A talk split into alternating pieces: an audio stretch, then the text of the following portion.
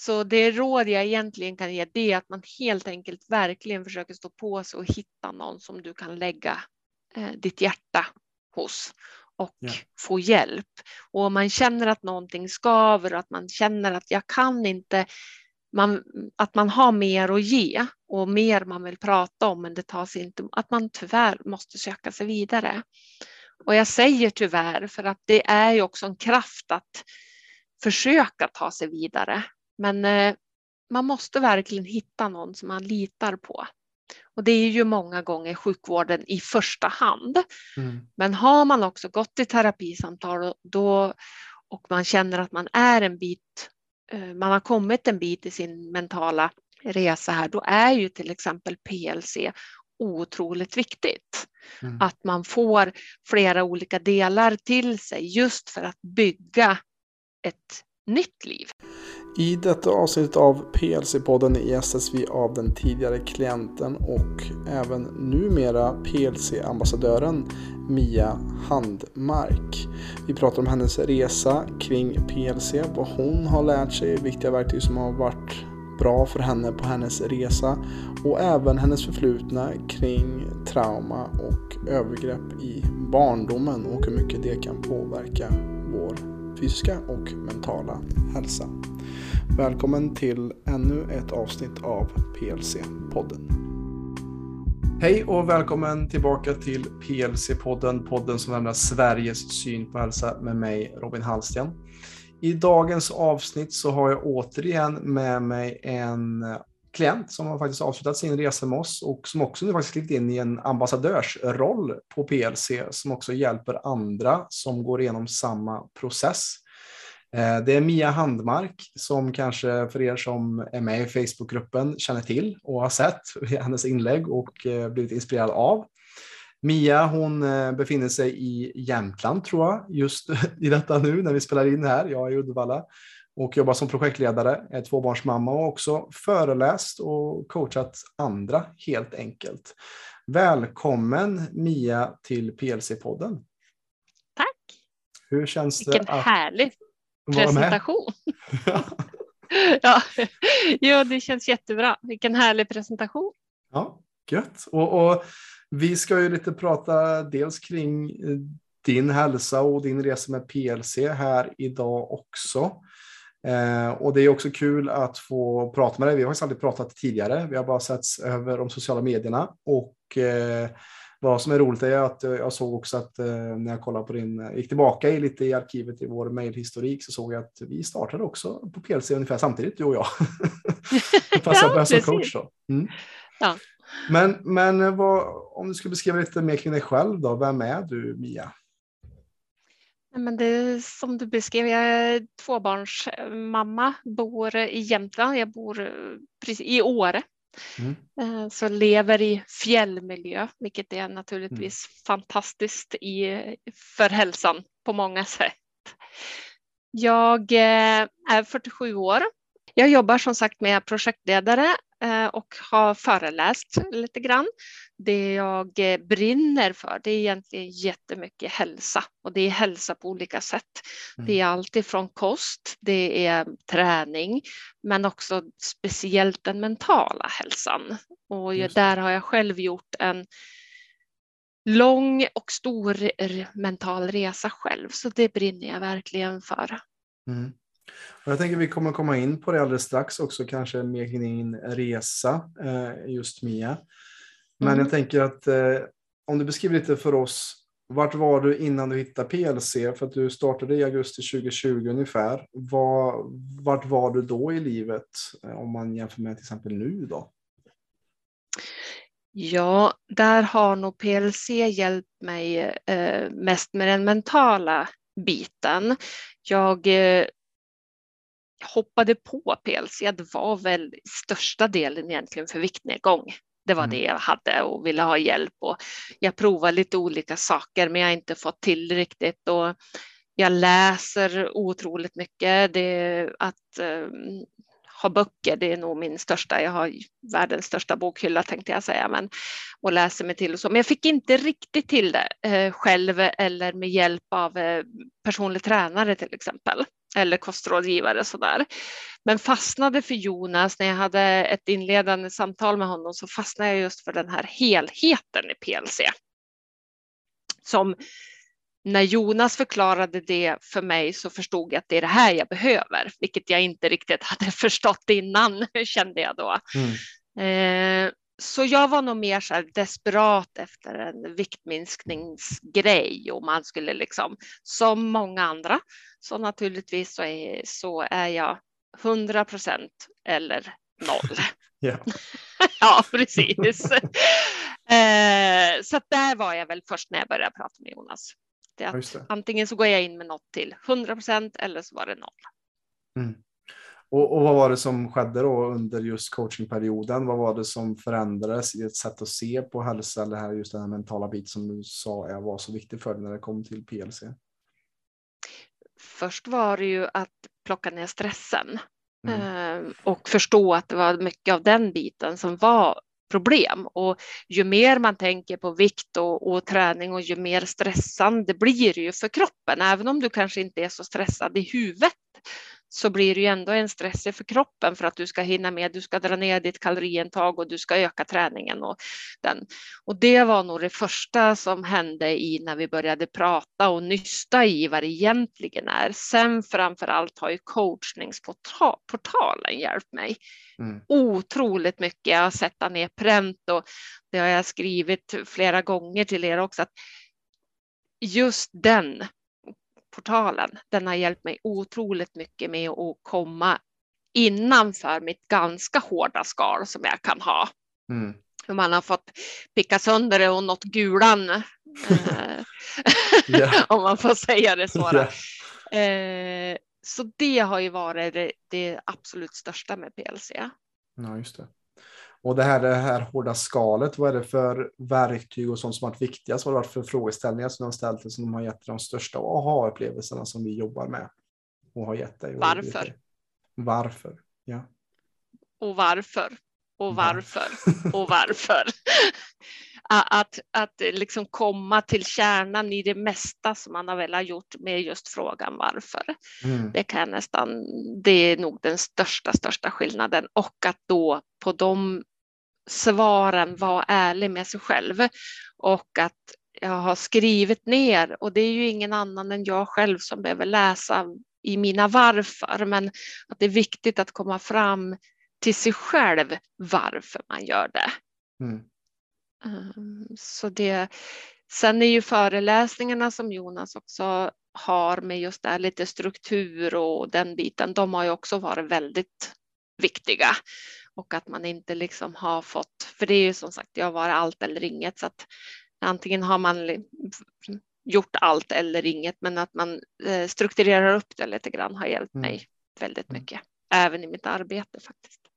Just det. Så att just frågan varför, oavsett vad det är för någonting, så har det hjälpt dig att gå djupare i dig själv, eh, låter det som helt enkelt. Där är jag också intresserad, vad, vad, är hälsa för dig idag jämfört med kanske vad det har varit tidigare i livet? Vad, hur ser du hälsa nu idag? Helheten. Alltså just den mentala hälsan, att man försöker göra så bra jag kan med kost och, och mm. så, men samtidigt jag, jag kan unna mig en godisbit i kosten. Jag är inte svart eller vit där heller idag. Men den största delen är nog att man mental, det är nog 50 procent mental hälsa för mig och 25 mm. procent med mat och 25 procent träning skulle jag säga. Ja. Det är PLC för mig mm. och min resa. Precis. För att många, många underskattar hur mycket den här mentala biten kan påverka hela vår hälsa. Att, att det är väldigt binärt oftast. Det är träning och det är mat. Och just den här mentala biten är så också. Du har ju gjort en resa själv. Jag har ju lyssnat på andra poddavsnitt där du faktiskt varit med och gästat. Och, och den här mentala biten. Hur viktigt har det varit för dig att jobba med det på egen hand också? Att, att kunna bli en coach eller jobba med mental träning eh, för dig. Hur, vad har det gett dig i ditt liv? Det har gett otroligt många saker, men framför allt att jag har fått lära känna mig själv på nytt kan man säga. Jag mm. har haft ett stort trauma under hela min barndom som har sträckt sig upp som ung vuxen.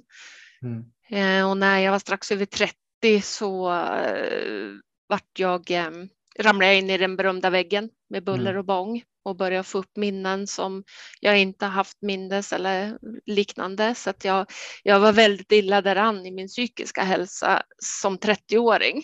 Ja. Och fick några år som jag verkligen behövde jobba eh, med både psykoterapeuter och terapeuter och vilket är jätte, jättebra. Men när du har gått i en otroligt intensiv terapi så blir det som ett tomrum efteråt för du har ingenting att falla tillbaka till. Du måste ju lära känna dig själv där. Mm. Och eh, det är ganska svårt när man inte har gamla mönster att falla tillbaka till eller man vill inte tillbaka till de gamla mönstren. Då är det ju så mycket som krävs av en efteråt också. Ja. Och det saknar jag i den traditionella psykiatrivården. Du får okay. hjälp oftast i ditt trauma just för stunden. Men du ska ju också få den här balansgången efteråt att hitta vem är jag då när jag inte har en offerroll till exempel att falla tillbaka till eller liknande. Hur, hur, hur är en sund relation tillsammans med någon människa som du inte haft en sund relation till till exempel? Vad är dina sunda värderingar. Just värderingar, det är ju som att genomgå ett eh, så värderingsarbete på ett, på ett jobb, liksom, att mm. man ska plocka fram det som betyder någonting då. Eller nu menar jag, inte då, utan det som betyder någonting just nu. Så det har varit en, en hård resa. Men det var här jag började komma in i coachingdelen. För först utbildade jag mig till coach eh, hos eh, Unestål. Ja, just det. Lars-Erik Unestål. Mm, mm. Eh, och det var egentligen mer för att kunna coacha mig själv mm. än att kunna coacha andra. Men sen har jag eh, arbetat vidare på den så jag har haft några som jag har coachat som också har varit eh, med om sexuella övergrepp som jag har varit med om. Då. Så då har jag coachat unga tjejer som har gått oftast i terapi men sen blivit utelämnad efter själva terapin. Så att vi har kommit till vad, vad är det man vill göra och lite som, typ som Jonas jobbar fast det kanske blir på en djupare nivå. Eh, att hitta verkligen, att, eller djupare, men alltså just det här att man med, med vem är jag utan de här övergreppen. Mm. Just det, att, mm. att bygga, bygga en identitet efter man har kanske demonterat en gammal, eh, som du säger, alltså det trauma som du har gått igenom och vem är man när man går igenom den processen helt enkelt. Och vem är man då utan den historien eh, längre mm. när man har bearbetat den. Och det är ju så otroligt Exakt. viktigt och jag är jättetacksam för att du delar med dig av detta för att det är så otroligt viktigt ämne också. Och där mm. är jag också jätteglad att höra att föreläsaren som Jonas haft och verktyg som PLC har gett dig har gett dig saker som andra saker i samhället inte har riktigt eh, räckt ända fram. För det, mm. det, det, är så också, jag kollar också på min, eh, min historia. Jag, lite så här intressant sista året när jag reflekterat att jag jobbar med PLC där det är främst kvinnor, medelålders kvinnor som är våra klienter. Eh, och eh, vad jag ser också är att, eh, att det är nästan som att jag hjälper min egen mamma.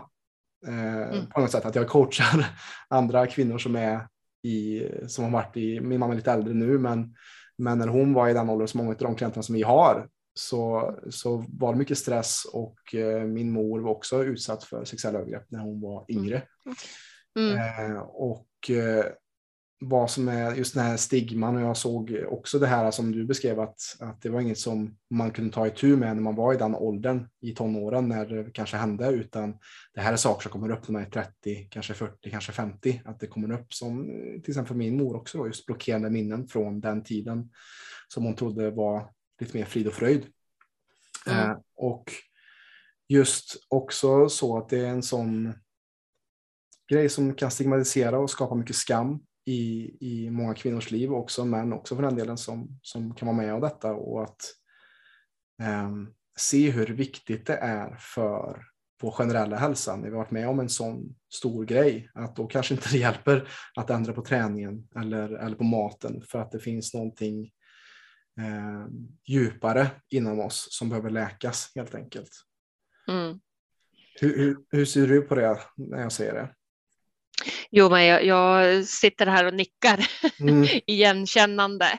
Mm. Eh, och, och, det är ju precis så att och för mig var det ju så att jag har ju nästan inga minnen alls kvar sedan min barndom, varken dåliga eller, eller bra. Och sen så som sagt så kom de här minnena trillandes ner som var dåliga. Ja.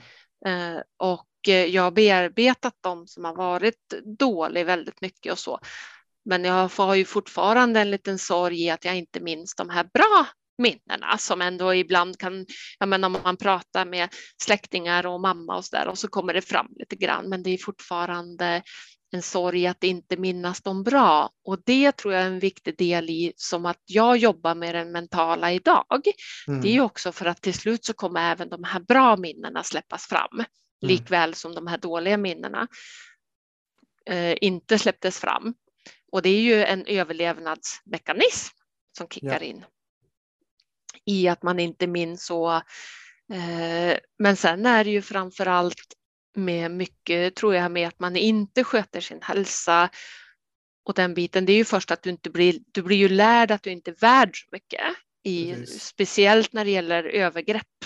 Sen om det är sexuella eller om det är fysiska eller psykiska övergrepp så följer de ju varann ganska bra och det är ju också att du blir ju inte värd att ta hand om dig själv. Mm. För du är ju inte värd någon så att säga. Så att den resan att börja också ta hand om sig själv, den är ju eh, lång och Verkligen. svår. Verkligen. Mm. Ja, det är det som jag har reflekterat mycket kring också, eh, eftersom det har hänt väldigt nära mig då, också just när det kommer till sexuella övergrepp, att, att det är så intressant hur en akt som kan vara så otroligt vidrig kan också vara, om man gör det med rätt person och rätt intention, i, men om man älskar, hur det kan vara så fantastiskt. Alltså hur det kan vara mm. två, helt två olika vitt spridda saker och hur det kan forma oss åt två helt olika håll och hur det kan skapa så mycket R just eh, när man inte, för att det är ju, det är ju bland det mest intima och, och man kan vara med om också just och, och, att ha någon som kliver över en gräns gång efter annan. Då är det svårt också att ha tillit till andra människor i livet generellt, eh, som jag också får höra hur min mamma har pratat om det också. Liksom.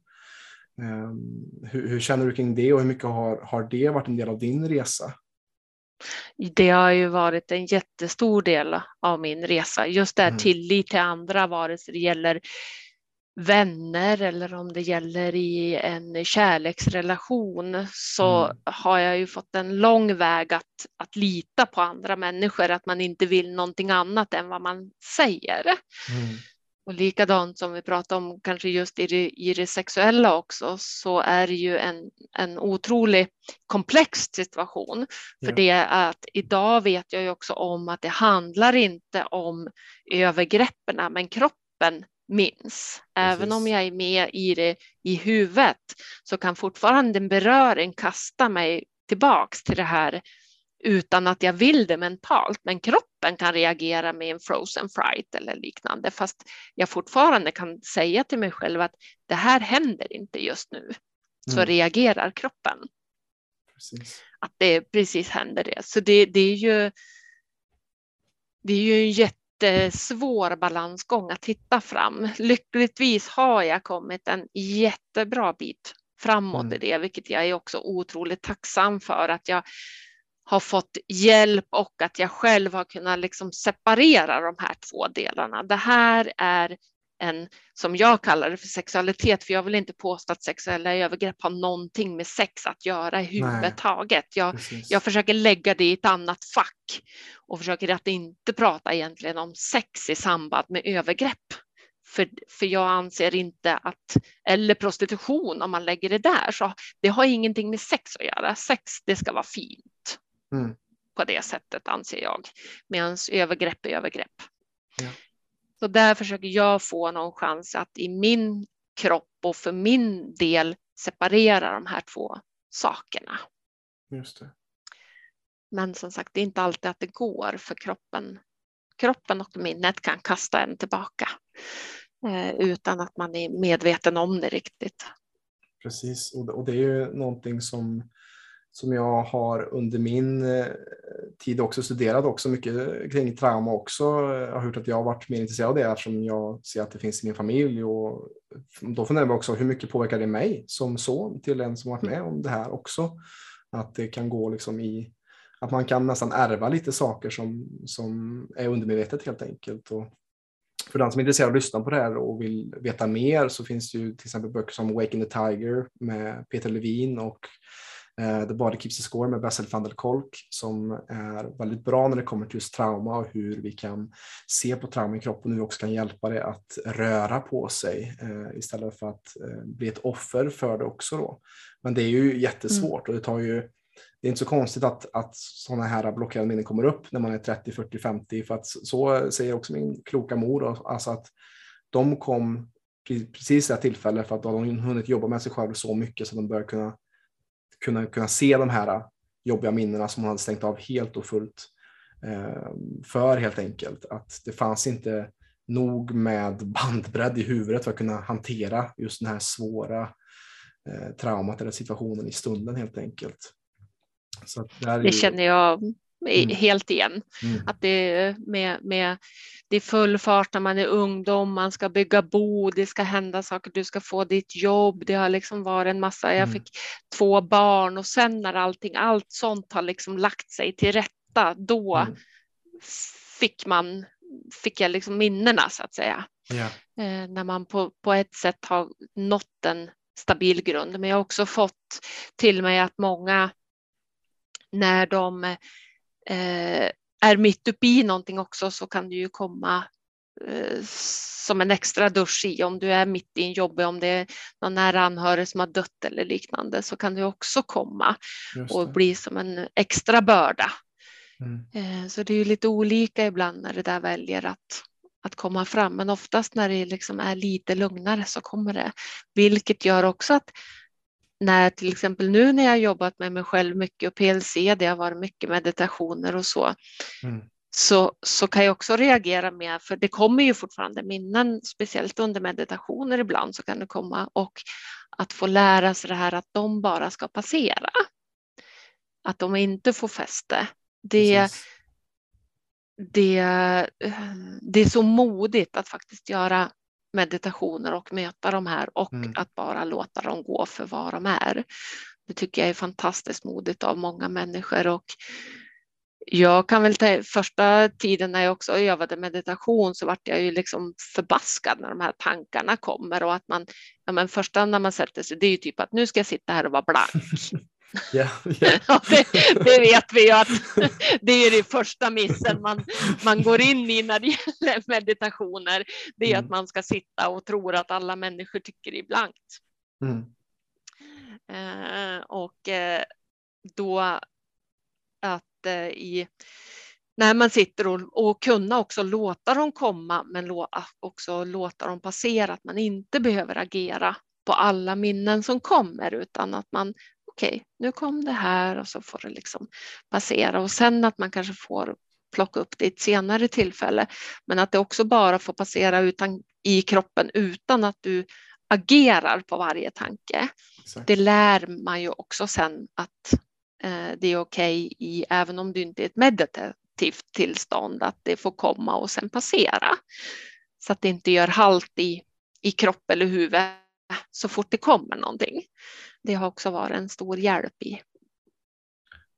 Ja, exakt. Alltså, meditation är ju någonting som jag är lite huvudansvarig för när det kommer till PLC och det är ju gång efter annan så är det ju så i livesändningar jag håller att många frågar varför börjar jag gråta när jag mediterar? Varför, varför kommer det upp så mycket känslor när jag mediterar? Och det är lite som du är inne på, när vi, när vi stannar upp så gör vi också utrymme till saker som är obearbetade komma upp och senast igår hade jag en, en live meditation där som jag alltid brukar säga när det kommer när tårar kommer upp också, låt det komma, låt släpp fram det. För jag brukar säga det att, att tårar eh, på insidan av kroppen är som saltsyra, det fräter oss från insidan. Men på just utsidan är det som vackra saltkristaller som kommer ut som, som pärlor längs våra, mm. våra kinder. Mm. Och för, för att många tänker inte just på hur mycket den emotionella hälsan eller den andliga hälsan kan påverka just vår fysiska kropp också. Alltså att det är så otroligt viktigt som du säger här att, att genom meditation och sådana verktyg att inte associera sig med minnena eller tankarna som kommer utan det är oftast där vårt lidande skapas i många, många instanser. Eh, och att eh, någonting som jag lärde mig när jag gjorde just traumasensitiv yoga var att just lära mig den typen av meditation där man inte eh, identifierar sig allt för mycket med det som sker och kommer tillbaka till också kroppen, kommer tillbaka till här och nu, det medvetna andetaget. För att oftast när man är har trauma eller har problem så är det oftast problemet att man har disassocierat. Man har lite mm. kopplat bort sig från kroppen och checkat ut under just när man varit igenom traumat. Och på mm. så sätt då eh, kan man göra det också i vuxen ålder också eller att man gör det utan man ens tänker på det när saker blir tufft och då kommer man tillbaka till kroppen igen när man kanske när systemet har gått för långt och då kanske man får en ångestattack eller någonting av den biten. Mm. Därför är det så viktigt just eh, kroppsmedvetenhet är något som är jätteviktigt när det kommer till trauma healing också just att vara känna sin kropp och lära känna sin kropp på nytt kanske också helt enkelt. Mm, exakt så. Och det, det är ju också en, det är ju inte bara som sagt den mentala resan utan det är ju väldigt mycket att lära känna hela sin kropp. Mm. Som, eh, som är, det, det är tufft och eh, men där har ju till exempel PLC hjälpt mig otroligt mycket senaste åren. Mm. Eh, jag tror att jag hade varit med i PLC i ett par, tre månader när jag för första gången smorde in mig med hudlotion utan att känna att det var obehagligt. Okej. Okay. Mm. Ja, precis. Mm. Så eh, det är ju det är ju många sådana bitar som kanske får, när, när, man inte har varit utsatt själv så kanske man inte förstår alla de här bitarna heller. Det är ju vem som helst kanske köper en lotion och smörjer in sig, men mm. för mig har det inte varit så. För det har ju liksom varit förknippat med, med kroppen och så. Ja, just det. Eh, och det är ju många delar att, att ta till sig.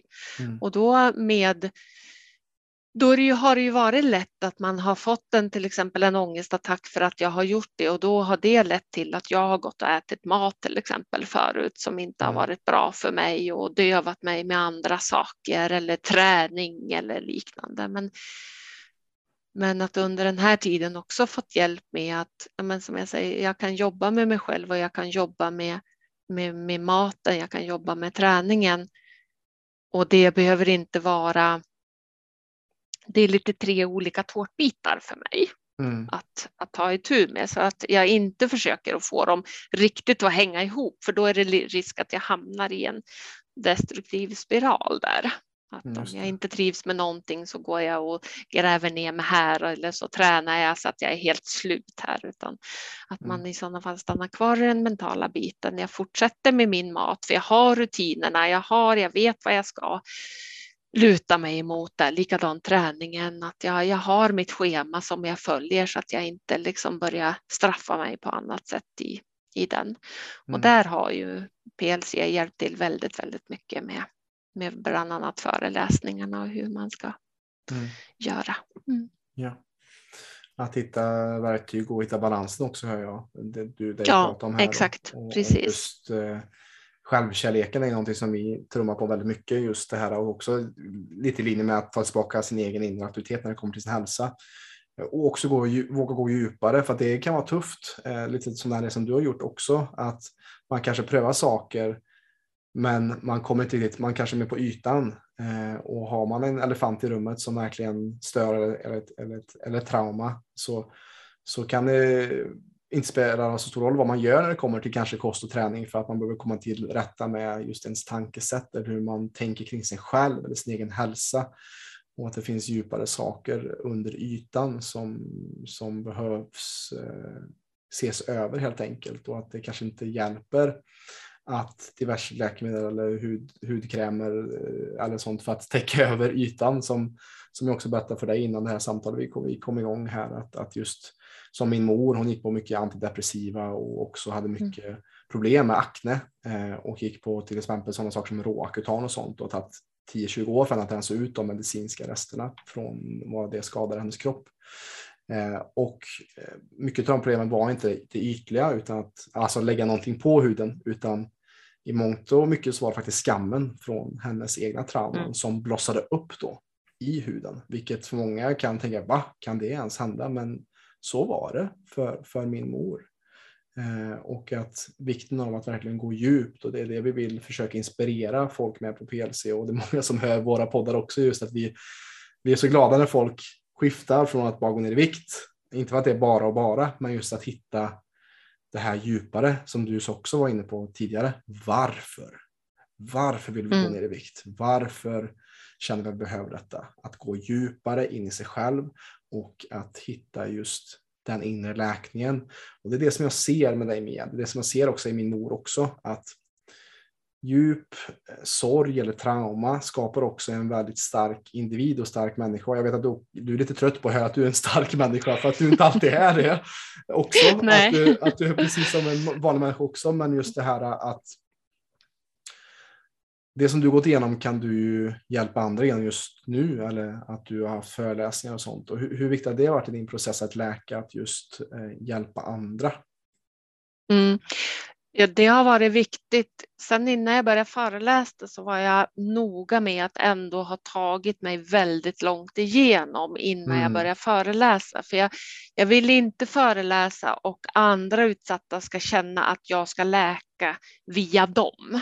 Nej, det var en ganska viktig känsla för mig utan Viktigt. att jag, eh, jag ville förmedla det, det, eller jag vill förmedla det jag kan och, och, den biten, men inte liksom att de ska vara med i, i min eh, läkeprocess på ett sätt. Men det är klart, jag, det, övergreppen på ett sätt fick en mening för mig. Mm. Att jag kunde förmedla att det går att komma över och att det går att vrida till en, en kraft. Men framför allt att förmedla att vi ska lägga skulden och skammen där den hör hemma hos förövaren yeah. och inte hos oss själva. Mm. Att skuld och skammen bara tillhör förövaren. Eh, det var vad jag verkligen vill förmedla i föreläsningarna. Mm. Att vi, och att tystnaden är ju förövarens bästa brukar jag säga. Precis. Och därför vill jag också prata om det för mm. att det inte ska få chans att få fäste. Mm. Och därför tycker jag att det är så tacksam att kunna ha det här samtalet med dig också, att kunna dela det här med andra också. Eh, för att eh, du har haft erfarenhet av det här, jag har inte haft direkt erfarenhet av det, men indirekt erfarenhet av det. Mm. Och det är vanligare än man tror. Alltså det sitter också på i litteraturen eh, kring just också i Bessel van der Kolks texter att kanske upp till en tredjedel av kvinnor blir utsatta för sexuella övergrepp eller ett våldtäktsförsök under deras livstid. Och att jag också hört siffran för män är högre än vad man tror också. Att det kan vara upp mot en på sex och det låter ju helt ja. sjukt. Men, men ja. att det kan vara så mycket att det är en sån stigmatiserad grej att prata om också. Eh, och också många starka kapabla män som jag har följt också under åren när det kommer till podcast och sånt. Och om någon är intresserad så finns till exempel Tim Ferris och eh, Lewis mm. House. Alltså Tim Ferris är en av de största podcastarna i världen och, och han mm. kom också ut med det här äh, och snackar just hur mycket det har också styrt mycket att, att hans trauma och övergrepp också ledde till mycket självhat och självdestruktivitet för att mm. han hade just så mycket skam och bar på det. Eh, mm. Och som du säger, det ligger inte hos honom egentligen, men för att det var obearbetat och inte fick den hjälpen att komma ut så, så blir det så att man kan vända den, den, det inåt istället då, helt enkelt. Mm. Precis. Så att, jättetacksam för det samtalet. Tack själv. Att jag får chans att prata om det också, för jag tycker det är så otroligt viktigt att prata om det. Mm. Och, och delar gärna med om det kan hjälpa någon annan att förstå sig själv, för det är mm. oftast mm. du bär ju redan och, och, och eh, är destruktiv emot dig själv och kanske inte ens släpper fram det för att man tycker att det är så otroligt jobbigt och det har ju varit under åren när jag gick i väldigt mycket terapi. Alltså det var ju så otroligt jobbigt och det mm. krävdes eh, jag hade turen att hamna hos en otroligt bra terapeut som är privat, för eh, tyvärr kunde inte sjukvården hjälpa mig. Nej riktigt, utan jag behövde träffa en som är verkligen specialiserad på övergrepp.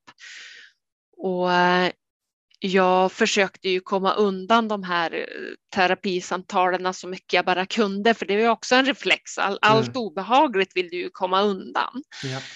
Och jag kommer ihåg att jag fick skriva ett avtal med henne att jag fick aldrig, jag fick inte ens boka av de här samtalen, inte ens om jag hade magsjuka. Mm. För då fick hon också magsjukan liksom. Det, mm. det spelade ingen roll. Och jag fick betala för varje samtal om jag inte kom dit. Så hon hade ganska hårda bud emot mig. Men det behövdes för att just komma, få hår i skalet helt enkelt. För det är ju lite, vi är ju gjorda det för att komma undan det här jobbiga, hårda.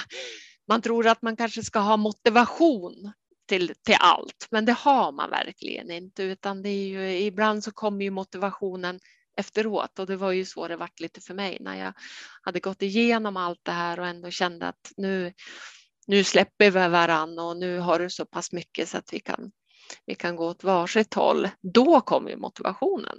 Mm. Och det är väl lite så även när det gäller träning eller vad än man sätter in så, så går det liksom inte lita på den där motivationen. Nej, precis. precis. Det, det, Utan att det gäller också. precis. Gäller att hitta andra saker än motivation, för motivationen kommer oftast när man har gjort det här jobbiga ett tag. Ja, precis. Och det är lite som, det är lite som eh, man kan dra till livstidsvänner också, att, att just att det är enklare att hålla kvar samma struktur som man haft. Det kräver kognitiv styrka att våga bryta sig loss från andra beteenden eller eller känslor och tankar och sånt helt enkelt. Så det är mm. jätteviktigt att man kan ha någon att lite hålla i handen eller som verkligen tar ansvar och där man har samtal inbokade. Eh, och det ser vi också med de som vi jobbar med. De som bokar flera samtal är oftast de som har mest eh, framgång just i sin coachingprocess också för att de engagerar sig och de eh, tar tillvara på den tiden som finns då tillgänglig.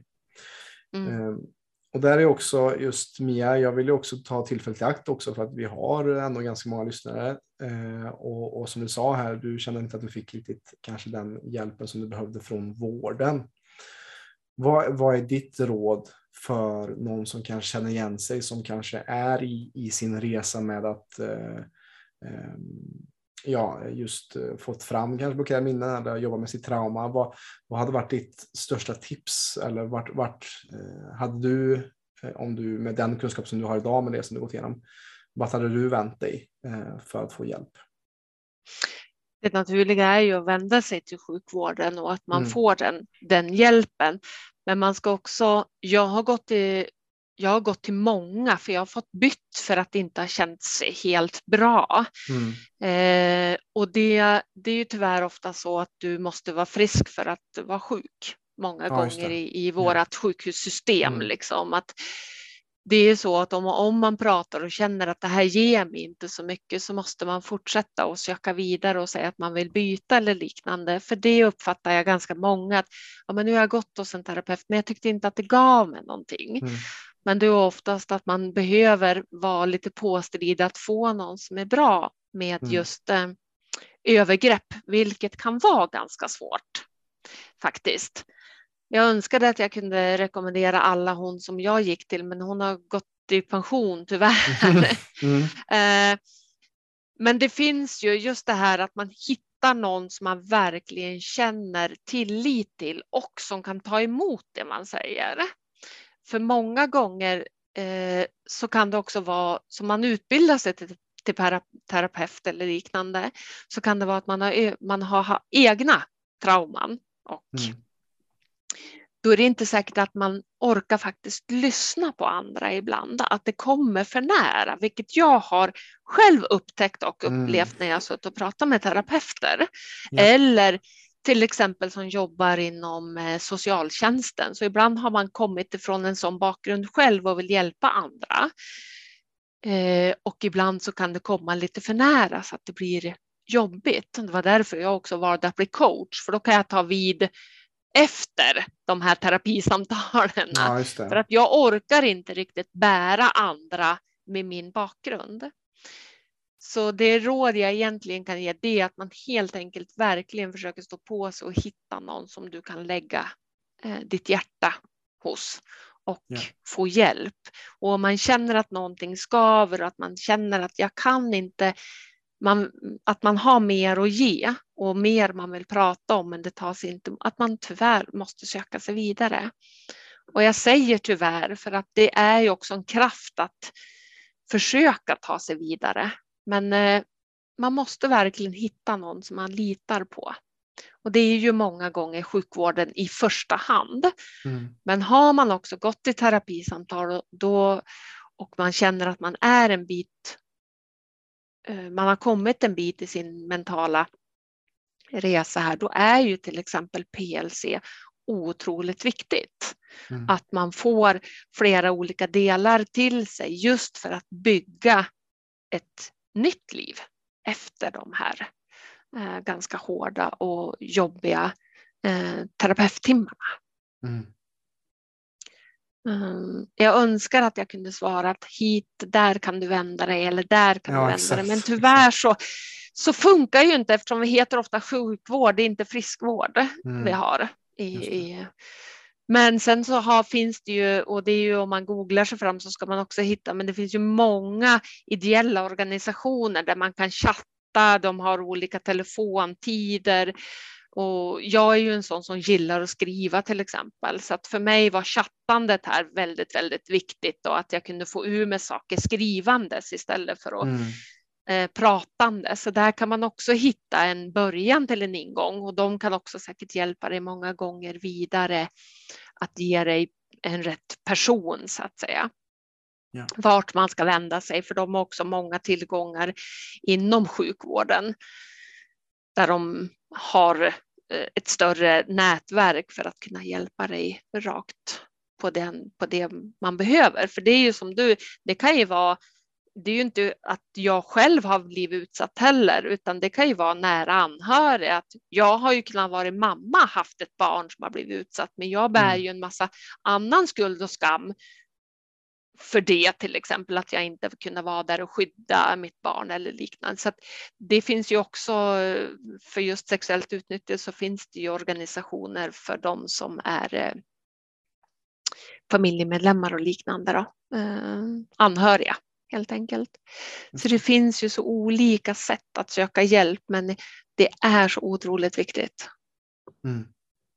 Absolut, att inte eh, gå själv med att bära på, på den tunga bördan som man har. Men det, det är som, som du säger, att det kan vara, vara tufft att, att, att vara där. Och Eh, jätteglad att höra att just verktyg från till exempel PLC har, har hjälpt dig också i samband med att du varit i vården också och, och också fått hjälp mer privat från riktiga experter. För det är samma där att vi, eh, vi har ju mycket kompetens på PLC, men just när det kommer till kanske traumavården, trauma healing så är det inte det vår huvudsakliga syfte utan att kunna ge mm. mera verktyg och resurser till hur man kan tänka kring sitt syfte och tänka djupare kring sin hälsa och få bukt med sin hälsa Eh, är ju också viktigt såklart. Eh, så att man kan hitta hjälp från olika håll och kanter när det kommer till sin läkande resa i livet som så många är på. Oavsett om det är trauma eller någonting annat också. Då. Att, att kunna ta lite som från ett smörgåsbord eh, helt enkelt. Men det bästa som mm. du säger hade varit om man kunde hitta allt på,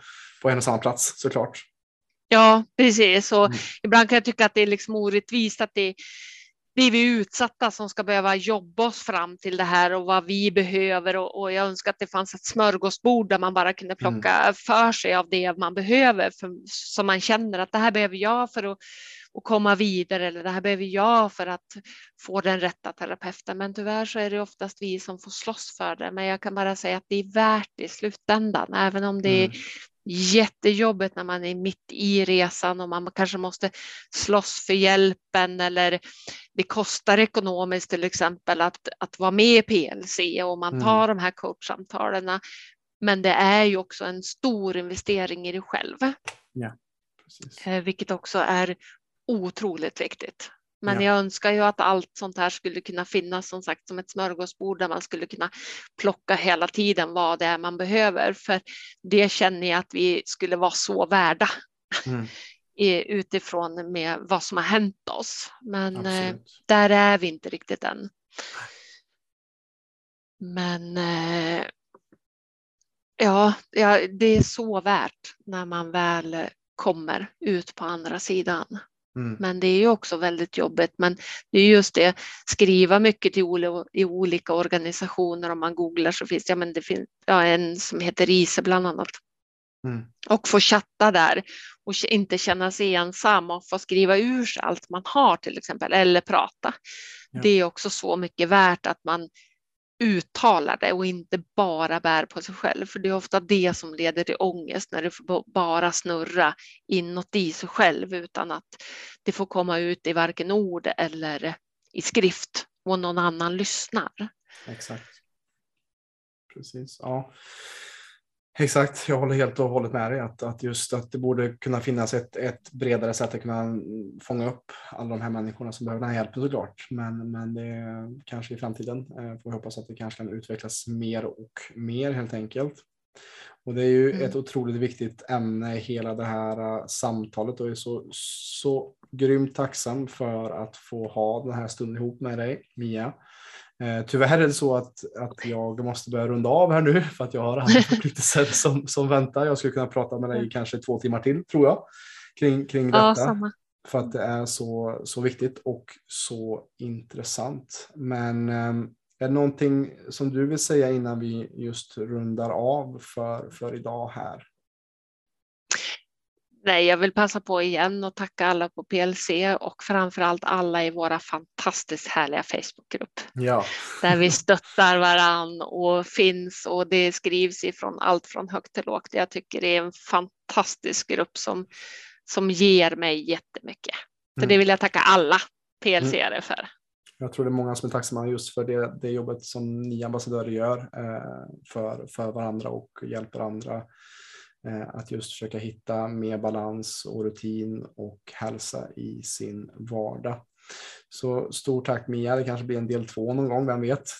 Ja, det får vi göra. kanske får fortsätta. Men eh, stort tack för din tid eh, och det är också det här eh, samtalet känns extra viktigt för mig med tanke på vad vi har pratat om och vad vi har delat eh, och jag känner mig lite både rörd och varm i hjärtat över att kunna dela detta med dig. Tack.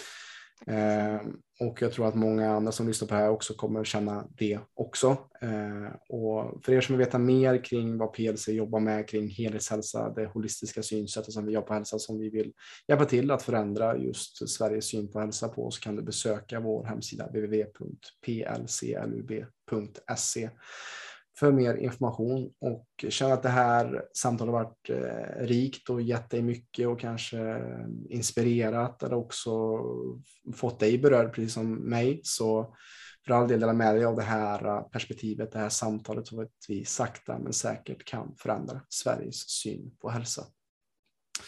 Tack för idag Mia och eh, hoppas att vi kan ses och prata snart igen kanske. Det hoppas jag med. Tack så jättemycket Robin för trevligt samtal. Tack.